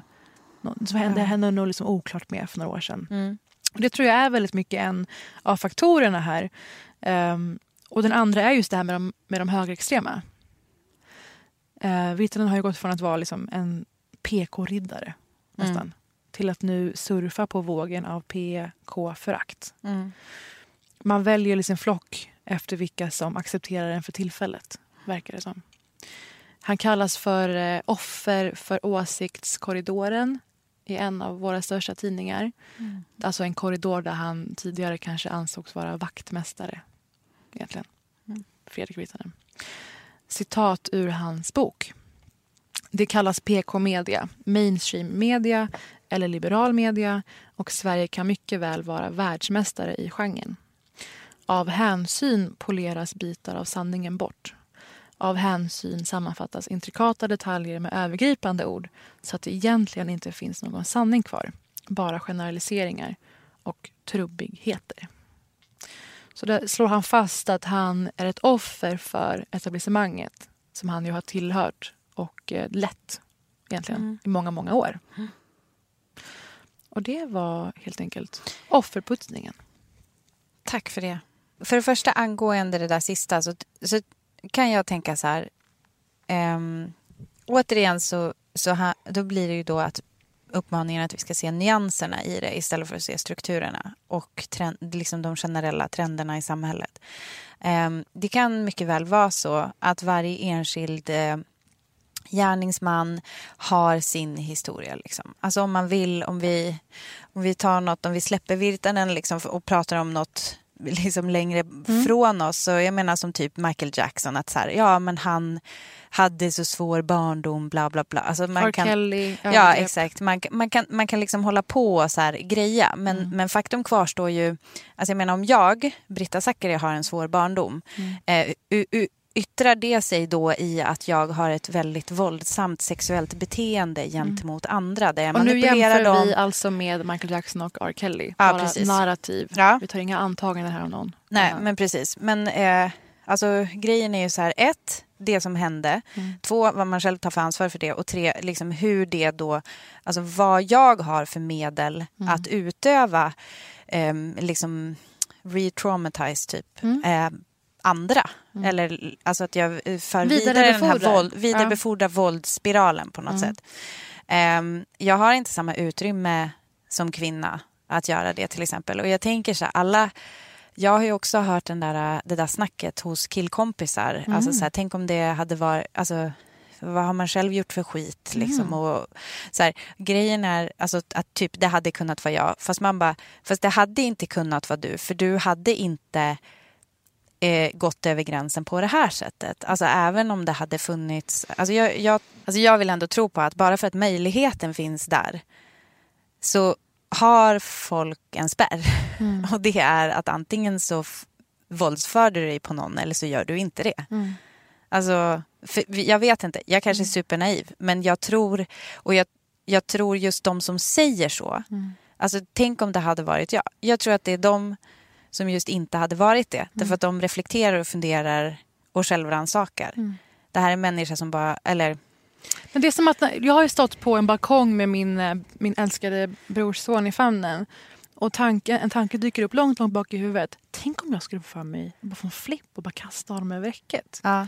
Och det är, har jag läst, att hjärnan tvingar en att ta den omvägen för att make sure att man inte gör det. Man Ja. testar en konsekvens i huvudet. Det där är en väldigt, eh, en väldigt moderlig reflex. För det hände, nej men på Ja, ja. riktigt. Men det Alltså det, så fort när jag hade fått Essa, såg bilder så när jag gick i trappen hur jag bara tappar Mm. henne ner i trappen. Eh, jätteläskigt. Det är för att man ska bli extra, fortsätter för, bara. extra försiktig. Mm. Och det sa jag också till min vän att bara att du, bara att du sitter här och tänker på det här um, talar för att du inte är det. Men jag, Ja. jag blev intresserad av den, den reflexen i honom. Ja. Och jag tror att han delar den reflexen med väldigt många män som läser om Virtanen just nu eller som eh, jobbar på våra medier och sådär och tar olika beslut. Ja. Att man nog eh, projicerar. Ja, men grejen är, varför i helvete ska ni projicera åt det hållet att ni liksom typ känner som sympati? Att det hade kunnat vara jag. Varför kan ni inte bara tänka så här, det var inte jag. Mm. Jag har, jag har klarat mig genom livet och inte gjort så där. Eller? Ja, det, att alltså så kan det ju vara. Men jag menar, de, folk vet att, alltså gud, jag, jag har haft så här ett, max liksom en relation där jag inte har någon gång blivit utsatt för någonting som jag efteråt var så här, fan va? ja, det här var okej. jätteobehagligt, det här var jätteläskigt. Eller jag blev sårad eller ärligt talat ibland och även skadad. Ja. Ehm, och jag tror att även om det inte räcker för att vara ett övergrepp så tror jag att män som ändå har självinsikt Ja. inser kanske dagen efter att det där skulle jag inte ha gjort och kanske Ja. inte gör om det heller. Nej, Det, precis. det måste vi ändå öppna för. De kanske inte gör om det heller. Mm. Ehm, men den här reflexen finns där ute och jag tror att den är med och formar väldigt mycket eh, blicken av Ja. vad som pågår just nu. Eh, sen så tänker jag på en till sak och det är fan vad jag spyr på, ursäkta, men så här, det, finns, det finns ett skrå med feministkillar. Som genom att de typ själva har sagt att de, eh, de är feminister och typ så här, förstår könsmaktsordningen och bla bla bla. Så är det som att de aldrig kan göra någonting som kränker kvinnor eller liksom på något sätt är emot deras belief. För att de typ, ja men jag vet jag kan det ju. Alltså jag förstår det här. Alltså är jag aldrig skyldig till det. Det tycker jag är... Det är liksom en... Jag har på något sätt så... Jag vet inte om vi har berört det här tidigare i podden men jag känner att jag skulle gärna framöver hålla ett litet föredrag om. För att alltså det är typ så här... Det är så på den nivån att jag nästan... Alltså jag tycker att det är typ den fulaste ulven i fårakläder. Mm. Det är för att man som kvinna liksom kanske känner sig lite mer trygg med den typen av kille och sen helt plötsligt så blir det sån jävla backlash. Men det, är så, det, är så kul inte- nu, det är så kul nu att allt färre kvinnor vågar eller vill kalla sig själva för feminister. Ja. På grund av en väldigt hård för eh, motkampanj från olika eh, killpoddar och eh, olika sammanhang där ute som försöker liksom dumförklara feminismen och dess eh, företrädare. Ja. Samtidigt så går såna här män ut och slår fast att de är feminister. Ja. Inte det väldigt intressant? Det är jävligt intressant och ett, en otroligt deprimerande utveckling. Och så till den fjärde och sista punkten i tölpwashingen. Hur Fredrik Virtanen banade sin väg tillbaka in i offentligheten. Mediesamvetets tvagning. Då fick jag hitta eh, massa synonymer på tvätt. Till Ja, jag hörde det. Nu var du nere på tvagning. Tvagning, det var ju Ja. putsning och allt möjligt. Ehm, så här är det. Jag tror att det här timingmässigt inte har kunnat, hade kunnat komma bättre för Virtanen. Och det här är rent analytiskt. Att vi liksom tittar på det här utifrån strategi och utifrån var, var ligger klimatet just nu Ja. för det här samtalet. Ehm, det här med Benny Fredriksson hände förra året. Förra, förra året. Chefen för Kulturhuset som Ja, eh, tog livet av sig Ja. efter anklagelser. Och som anklagelser som framför allt var arbetsmiljörelaterade. Men då fick han eh, avgå efter mycket skriverier från bland annat Aftonbladet framför allt. Och eh, det här har ju satt eh, väldigt prägel på vad jag kallar för mediesamvetet här. Mm. Det kollektiva dåliga samvetet från vissa mediechefer. Och det har fått färga hur man agerar i saker som inte rör Benny Fredriksson. Mm. Faktiskt. Och, ehm, Eh, läser högt från eh, DNs recension från Lars Linder igen om boken från Virtanen. En tröttsam uppräkning av oförrätter och fiender men som bäst en riktigt skarpsynt uppgörelse med den medieoffentlighet som inte alltid lyckades hålla huvudet kallt nog i korsdraget mellan metoo-rörelsens rättmätiga vrede och de sociala mediernas förmåga till mobilisering och ryktesspridning. Jag tror att en del journalister och mediemänniskor ser den här boken som... Eh, alltså som den går rätt in i den stora ömma punkt som är förfarandet efter det här med Benny. Och som du var inne på, ett slags nyanseringsmaraton medielogiken idag, alltså hur man resonerar i vad som är nyheter och inte. Det är alltid en värdering. Alltså en fysisk människa sitter och gör olika beslut. Mm. Um, det är att man alltid vill ta in det som nyanserar någonting annat. Som motsäger någonting annat, som är den helt andra sidan av någonting annat. Och det här har ju varit väldigt um, bra för typ um, högerextrema. För då blir det så att mm. vi måste ha båda sidor med i en debatt. Mm. Och då går det från att vara två ganska rimliga sidor till att bli ytterligare och ytterligare, ytterligare längre ut. Mm. Det var jag inne på i snacket kring Margot eh, Ditz också. Mm. Eller det, det avsnittet som var i alla fall. Att nu är det så, nu är det så förskjutet på något sätt. Eh, jag tror att många journalister, att det här går rätt in i den känslan av ja, men det här måste ju få tas upp också. Mm. Och vi måste ju få kritisera metoo också. Och att den känslan, vi måste ju få kritisera metoo också.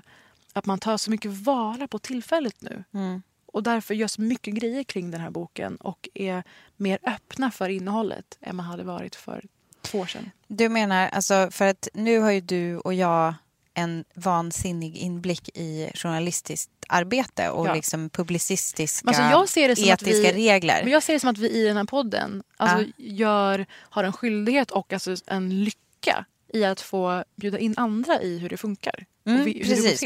Och då tänkte jag bara berätta, alltså för jag, jag, jag, är inte så säker på att folk vet. Och jag mm. tror att det är liksom också en anledning till att till exempel eh, Donald Trump hejvilt kan så här, kritisera etablissemanget eh, och så vidare. Därför att man på något sätt tror, alltså det är som en allmän uppfattning nu särskilt typ bland så här, SD och sånt där, att eh, man inte kan lita på medierna. Mm. Eh, och det finns faktiskt väldigt, väldigt noggranna journalistiska, så det finks pressetiska regler som alla journalister med lite självaktning mm. följer.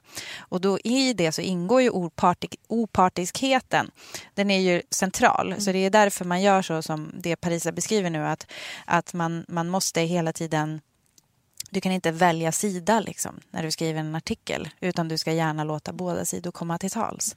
Eh, och du menar typ att det samvetet, alltså så här, oj, lät vi, blev det, för, för, blev det, o, blev det slagsida förut med angående de här anklagelserna? Att man på något sätt då försöker väga upp det mm. med att nu tittar vi på den här boken eh, att den här recens mm. recensenten då inte nämner anklagelserna för att då skulle han kunna bli anklagad för att det hör inte hit. Det är inte, han är ju inte dömd. Det är ju ehm. anklagelser.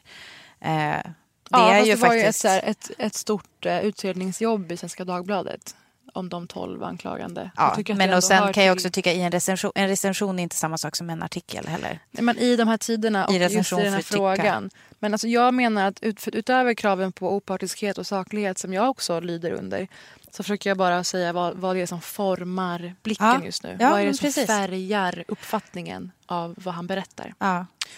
Och fortsättningsvis eh, till citat ur eh, Lars Linder på DN. En, bok, en text som jag tydligen fick jättemycket exempel av. Han skriver så här om Virtanens bok. Hans erfarenheter både som journalist och som måltavla för årtiondets mediestorm gör honom observant. Inte minst på farorna med den snabba förändringen av medielandskapet som fick den traditionella pressen att för den goda sakens och upplagornas skull lätta på kravet att källgranska och belägga spännande uppgifter. Så Lars Linder menar på dels att eh, det som hände hände för att eh, pressen misslyckades i att källgranska ordentligt och vara kritiska för att man behövde få upp eh, intresset för just sin upplaga, sälja mer tidningar helt enkelt. Ja. Men något extra intressant här är att han pekar på att eh, Virtanens erfarenheter både som journalist och som måltavla för årtiondets mediestorm Han skriver att det gör honom observant. Det som alltså har hänt här är att anklagelserna mot Fredrik Virtanen har alltså resulterat i att han inte betraktas som mindre trovärdig. Nej, exakt. Utan, Eller subjektiv ens. Utan som expert. alltså fy fan vad sjukt. Han framträder som expert. Ja men det har gjort honom observant. Alltså vadå? Det, alltså, det är ju helt... Det är helt... Är inte det helt Med sinnessjukt? samma logik är R. Kelly jurist. Exakt. Med, med, samma logik är R. Kelly expert i juridiska förfaranden. Mm. Um, att man är delaktig i ett förfarande gör inte att man blir en expert på det eller att man är extra kompetent i den frågan. Nej men alltså det är ju snarare tvärt... Alltså det är ju... Man är ju subjektiv som Det är subjektivt som Mm. fan liksom. Mm. Det är från ens egna perspektiv allting. Mm. Så Virtanen har upplevt någonting från sin egna personliga vinkel. Och eh, Lars Lindredén menar på att det har gjort honom observant och eh, att hans ord väger tungt i frågan om medielandskapet för att han blev anklagad av tolv kvinnor betyder att till och med offentliga anklagelser gör män mer kompetenta. Ja. Ehm, och det här glappet då är ju... Alltså man förstår inte hur det här kan passerat en redaktör för det första, för vad det insinuerar. Eh, för även om han inte är dömd i någon fråga så är det ändå vida, vida spridda anklagelser. Och eh, en historia som också fortsätter i och med det han själv medger i sin bok. Mm. Han är öppen om vad som har hänt och hur han har betett sig. Och det var min fjärde punkt och det var de här fyra sakerna som har snurrat runt i mitt huvud som tusentals olika tankar och känslor men som jag försökt bunta ihop nu ehm, för att kunna fånga någon slags liksom, riktning i det här framöver. Men det här kan ju ta vägen vart fan som helst närmaste veckan.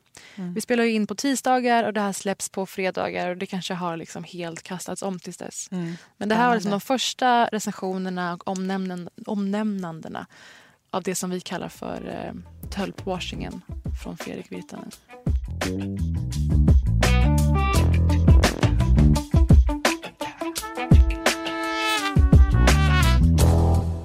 Jag måste erkänna en ganska pinsam grej jag gjorde Mm. i förra podden. Du har ju märkt det. Våra lyssnare har märkt det. Några av våra lyssnare. Jag satt och tipsade, inte en gång, om en tv-serie som heter Motherhood, sa jag. Och, och upprepar, den här serien heter alltså Motherhood på Netflix. Ja. Parisa, den heter inte Motherhood. Nej, nej. Och det finns knappt någon som heter det. Alltså det är en helt och hållet påhittad serie av mig själv. Eller inte serien är inte påhittad, men titeln är. Eh, serien heter istället Working Moms. Vilket många uppmärksamma lyssnare eh, liksom, gjorde mig uppmärksam på. Jag kan bara skylla på mitt eget motherhood just nu. Skylla på? Jag skulle tro att du skulle säga jag uppgraderade den fucking titeln. För du är en sån liksom copy manusförfattare Ja, jag, ja, du tänker så. Fan vad bra. Att du, du kan inte ens Tack. godta en så pissig titel. Utan du... Jag var tvungen att direkt redigera i huvudet. Ja. Liksom. Och vet du vad? Det här fenomenet nu, att uh, rewrite eh, sanningen, Ja. det återkommer vi till senare i avsnittet. För då kommer vi prata om en viss mediemans comeback till mediearenan. Kommer jag då framstå i bättre dagar? Ja, ja, gud, det gör du redan. ser jag fram emot. Jag känner bara att jag behöver vädra att det inte är liksom 100% med mig just nu. Vi- Alltså egentligen, jag vet inte riktigt hur mycket vi... Den här podden, vi fokuserar ju mest kanske på andra och typ skrivna och filmat material typ. Eh, men nu, jag känner liksom att min, min kropp är så pass påtaglig i mitt liv just nu. Så att det är som att jag bara tänkte dra lite snabbt att så kan det också vara typ i ens liv. För jag, jag känner också så här, när man är en sån person som syns för andra så tror jag att det är väldigt lätt att det verkar liksom i andras ögon också som att det är så himla lätt. Alltså för att man ser ju bara, ja men ni vet allt om Instagram-filter och så vidare. Men jag tänker också att man ser så här, ja hon gör tv-program och hon gör det och det och så här. Det, det kan ju verka som att det inte är någon struggle. Jag liksom. har börjat tänka på det som en form av eh, algoritmfilter. Ja. För bortsett från det här med filterbubblan så finns det också en del är att algoritmen lägger fram såna händelser som är liksom mer spektakulära.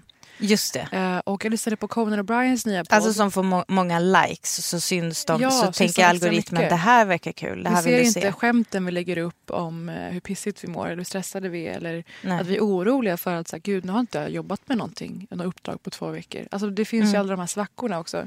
Eh, jag lyssnade på Conan O'Briens nya podd som jag kommer att prata mer om tror jag i nästa avsnitt. För det finns några nu som är så otroligt bra. Mm. Ehm, och där pratade han med Jimmy Kimmel om att utifrån tror jag att folk ser ens liv i snapshots. Alltså det som når en Ja. via någon Mm. sällsynt rubrik. Och jag tänker ibland så här, när jag så känner så här, fan vad allt är piss. Försöker jag tänka, ja, men hur skulle filmen vara? Och då skulle Ja. det ju vara, eh, i mitt fall, så här, ja, men, eh, På spåret, Chile, Michelle Obama. Det skulle vara min vår. Jaha. Fast i verkligheten, du vet ju exakt hur så här, mörket Japp. och sunkigt och skitigt det har varit. Och jag vet inte om vi gör oss själva en otjänst med att försöka tänka så. Alltså, po- positivity-tänket är ju också någonting som är ganska sjukt just nu. Jag tycker att det är också fruktansvärt. För att det blir som, jag tycker att det verkar också som, ja men så här, kanske när jag träffar andra föräldrar, att det blir som att man, alltså när, när de bara säger ja, åh, ni har ju grejer på gång, ja, så här, ni bara kör på, så här. Och att man, man tänker nog ofta att det är eh, mycket lättare för andra just för att man har det där filtret. Men i alla fall så det som hände för mig i veckan var att jag i onsdag så var jag på Kolmården hela dagen. Absolut, det var, en, det var en eventgrej. Man blir bjuden på Kolmården, man får ta med sig hela familjen och så går man runt där och unnar sig. Det är väldigt trevligt. Eh, Fick du på Operahotellet? Nej, nej, det har jag fan faktiskt aldrig gjort. Nej, jag eh, är väldigt glad att få köra hem sen när det är dags. Och då gick jag runt hela dagen och eh, eh, försökte dra en skrinda som faktiskt min kompis Angelica eh, Ankan sa att den där drar du inte nu. Mm. För att jag har blivit liksom ganska gravid på sistone. Och sen på torsdag kväll så var jag faktiskt på ett event som Kakan hade. Och då började jag känna så här, det är något strul med min eh, med, när jag går så gör det liksom ont i bäckenet. Typ. Sen på natten kunde jag typ inte sova och på morgonen så kunde jag inte gå. Jag kunde ta små, små, små tomtesteg för annars fick jag som en ilande smärta i typ i fittan. Mhm. Nej men alltså Venusberg, VB som vi brukar säga, i Venusberget. Alltså, jag har aldrig känt av mitt Venusberg. Så Nej, bara, det inte jag ganska- heller. Jag ska säga att Ja. jag har, har fram tills nu stiftat lite till ingen bekantskap för, för med mitt manliga Venusberg. lyssnare, VB är ingenting man är i direktkontakt med hela tiden. Nej, alltså det är också Kakan som har lärt mig VB för att för mig är VB Västerbottens ost. Alltså det ja, är liksom... det hade jag aldrig kopplat. Nej. för mig är det videoband. Ja, som man okej. säger om inslag i tv. Det är det också när man gör så här kon- konferensiergrejer. Då är det ofta så här, och så rullar ett VB, för den lever liksom kvar lite grann. Hur som helst så, eh, jag kunde inte gå överhuvudtaget. Och på det här så ringer min eh, barnmorska eh, och berättar för mig att de där testerna som jag skulle ta för tre månader sedan, som jag inte tog PGA ADHD, har liksom ADHD bort det under tre månader. Och det här är typ jobbigt för mig att prata om, men jag har tydligen så låga järnvärden att hon lät typ orolig. Ehm, alltså, f- och då frågade jag om det var någon fara för barnet och då Ja. Men då sa hon så här, alltså det var som att hon bara, nej, nej det är så här, utifrån min erfarenhet och bla, men du, du vet det kändes som att hon försökte övertyga mig om någonting som hon kanske inte riktigt trodde på. Alltså det var som att hon var väldigt orolig i alla fall. Så båda de grejerna hände liksom på fredag morgon. Och så ska vi till råga på allt filma den dagen. Eh, så där, där är mitt glamorous life of television person. Men vad att jag innebär bara det här? Kan du sjukskriva dig? Finns Nej men någon- det är det som är grejen då, att kan jag sjukskriva mig? För att vi har ju, vi har ju ett tv-program, två tv-program att leverera. Vi behöver, det ena behöver vi leverera ganska snart. Vi, vi behöver filma grejer som vi kanske inte riktigt kan filma för att jag då inte kan gå. Eh, så att det är liksom, jag, jag typ så här, hon ringde när jag satt i bilen och jag var typ tvungen att köra så här åt sidan och typ sitta och alltså hulkgråta en liten stund. För det, det är också så jävla känsligt när det gäller barnet, alltså mig själv kan jag typ uppenbarligen mm. skita i ganska mycket. Men eh, när det gäller eh, barnet så blir jag... Alltså det, det känns, jag känner mig så jävla liksom misslyckad. Typ. Att jag inte liksom har kunnat... Alltså så här, I had one job. Det var typ att se till att bebisen får näring. Sen så kan man säga, och alla säger det, att de foster är som små parasiter. De tar liksom allt, allt, allt. Mm. Och så är det bara smulor kvar åt mamman om det skulle vara så. Så förmodligen, förhoppningsvis så har barnet fått allt järn den behöver men jag har liksom inget. Du har inget. Vad, uh, vad kommer hända nu? Nej men nu får jag äta någon äcklig järntablett som jag eh, kaskadkräks av. Mm. Eh, så att jag, nu har jag under helgen, jag har fått så himla mycket tips av följare på andra tabletter som är bättre och skonsammare an, livsmedel som det finns järn i som man inte visste. Aprikos, mm. halloj. Men det här är ehm, speciellt. Att så här, du, jag förstår att du, din första reaktion är så här, självspäkelsen. Ja. Tre månader ADHD, det är det som ligger i din, din förgrund på något sätt. Ja. Någonstans är det ju, alltså jag är ändå snart 29 år gammal och har inte förstått vidden av det här. Alltså behovet av varken järn eller vilka livsmedel som har det eller hur man kan... Nej. Förstår du? Det finns ju mm. någonting i det här som ett misslyckande från alltså, information i stort. Ah, du menar så, att det inte borde ligga på mig. Nej. Men grejen är ju, alltså det, det som är ångesten är ju att de har ju koll på det här. Det är därför man screenas. Det är ju därför de screenar en för allt möjligt när man skriver in sig. Och skillnaden från min graviditet med Essa och nu, mm. det är alltså tre, på tre år så har de kommit på att nej men vi screenar också för sköldkörtelfail. För att det har de märkt att mm. kvinnor får många pro, får problem med det mm. under graviditet. Men som just våran kompis Tove Nordström ah, drabbades av. Eh, och efter mycket om och men, om man är så här med sig själv som du säger, väl ganska vårdslös. Ja. Det är man ju. Um, och det var först efter ett tag av nej men jag är säkert stressad, säkert jag som bara inte tränar tillräckligt. Ja. Här, men vänta nu, det måste finnas en medicinsk grund i det här. Och är fortfarande drabbad av um, det här och måste ta medicin hela liksom. tiden. Så det, det, är ju väldigt vanligt. Jag tror att när hon tog upp det i podden så blev det så här sjuk tillökning. Alltså hon är ja. med i podden 30 plus trevar. Mm till folk som gick och kollade upp sin sköldkörtel och upptäckte att det var det det var. Och nej. levt med det här i flera år. För vi tror ju att så här, nej, men det är vi som inte tränar lika mycket. Alltså man skyller mm. på, sig, på sig själv det absolut första man gör. Mm. Och, och, och jag känner ju då det jag mår dåligt över och som jag också liksom... Jag tror att vi har så här olika grejer som vi får extra mycket skampåslag över. Och utan... Alltså om jag får relatera lite kring så här, nej men det där du känner med i en relation kan känna så här, men gud hur, låter jag någon annan, hur kan jag låta någon annan behandla mig sådär. Mm. Eh, det fattar ju inte jag att du kan, för jag bara, men vadå, det är den andra personens fel. Mm. Men i det här fallet så blir, jag får ju sånt otroligt skampåslag med så här, gud hur kan jag behandla mig själv så här. Mm. Alltså, jag får, alltså just den där, allt som är ADHD-relaterat, det blir som, för att det är konsekvent glöm, mm. som är min starka sida. Eh, inte stolt över det. Så att eh, det blir som allt som relaterar till det tar som extra hårt på något sätt. Mm.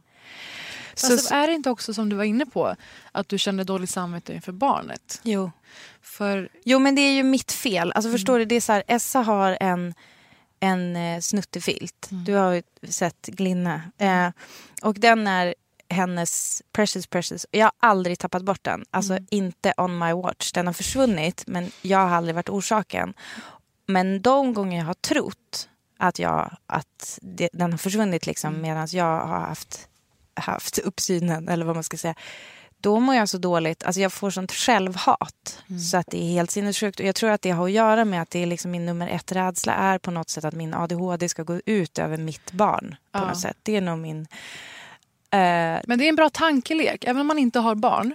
Mm. Nu tror jag att du är illa berörd över det här och det är jättejobbigt. Jag tänkte bara, mm. Det är en bra tankelek och du nämnde det här med relationer. Och eh, jag insåg att tankeleken, vad hade hänt om jag hade haft ett barn med den här personen? Eller hade jag velat ha ett barn med den här personen? Ja. Och att man, man är så mycket mindre vårdslös och mycket mer omtänksam med tanken på ett litet barn än sig själv. Ja. Och då har jag eh, när, jag, när jag tänkte det här när jag var i en sån relation tänkt så här, nej helvete vad det är otänkbart. Ja. Då var det liksom klart i huvudet att så här, det är det värsta jag kan föreställa mig. Just det. Dodge that bullet. Eh, och det är en sån bra tankelek överlag. Hade jag velat utsätta det här för X, Ja. och då, att X då är ens eller ett annat barn. För man har ju lärt sig att man har tränat bort att se sig själv som en person som förtjänar liksom total så omtanke, omsorg, vad det nu är. Och så skyller på sig själv om det händer någonting. Mm.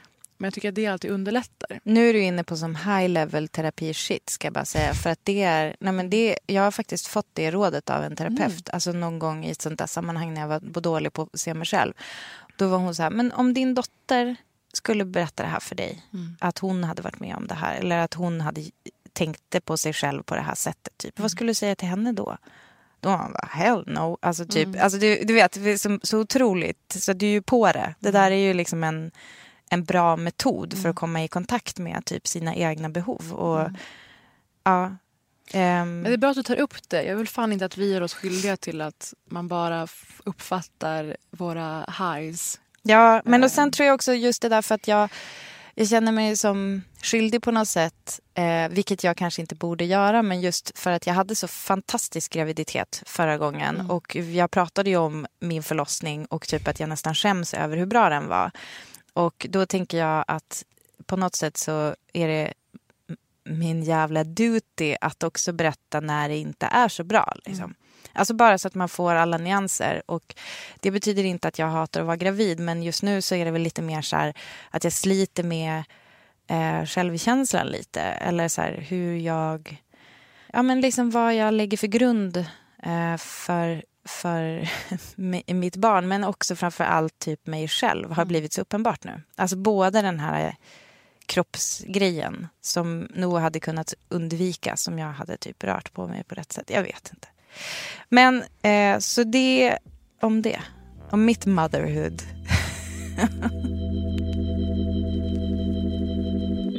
Alltså jag, faktiskt, jag nämnde det ju förut att jag läste den boken, Kristen Rupenians eh, Cat Person, eh, novellen som handlar om ett... ehm, ja, alltså det, man kan väl säga att det är en hashtag metoo-story men som belyser kanske lite mer det där eh, så här, gråzonlandskapet. Och jag vill absolut inte på något sätt då säga att något av det vi har pratat om hittills har varit gråzon.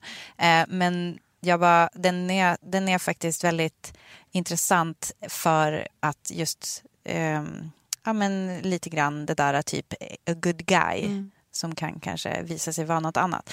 Eh, och jag eh, lyssnade nämligen på den för att hon läser den, man kan, ni kan googla Cat Person så läser hon upp den. Jag tror att det var New York Times som hade den som en ljudfil, är 40 minuter. Som, ja, bara lyssna på en novell i 40 minuter och jag tror att den kommer slå an liksom en del så här, eh, igenkänningstoner kanske hos er som lyssnar.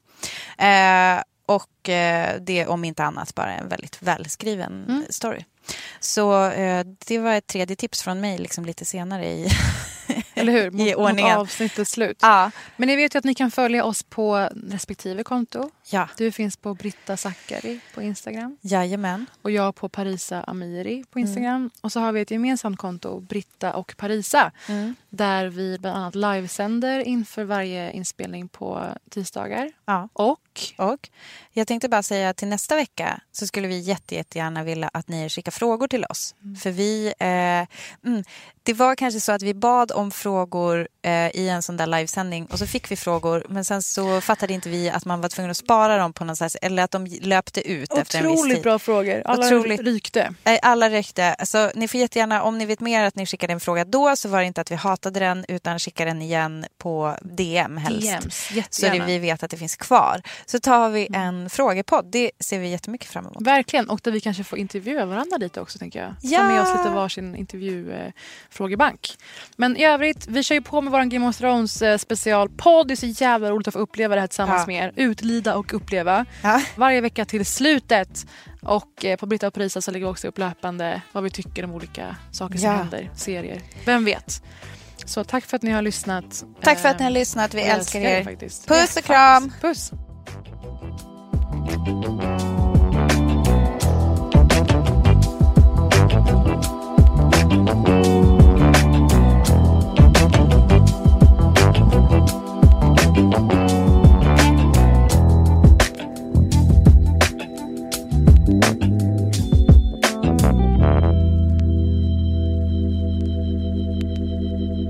En podd från L.